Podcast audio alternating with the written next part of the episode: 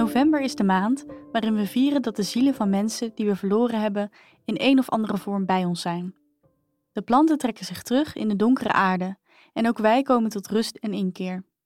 Neptunus en Pluto verenigen hun magie om ons te inspireren. In november heb je de behoefte aan diep contact met anderen.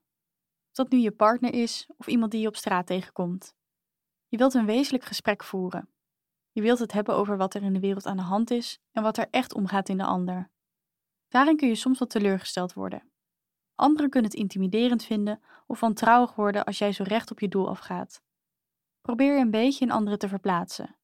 Want door te veel in je eigen verhaal op te gaan, je eigen behoeften te volgen, verbreek je in feite het contact. Door te accepteren dat de ander even tijd of ruimte nodig heeft, je verlangen even opzij te zetten, creëer je ruimte voor meer nabijheid.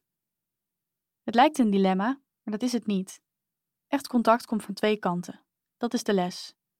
Richt je pijlen op creativiteit, op de behoefte om dingen tot stand te brengen, de originele ideeën die opborrelen.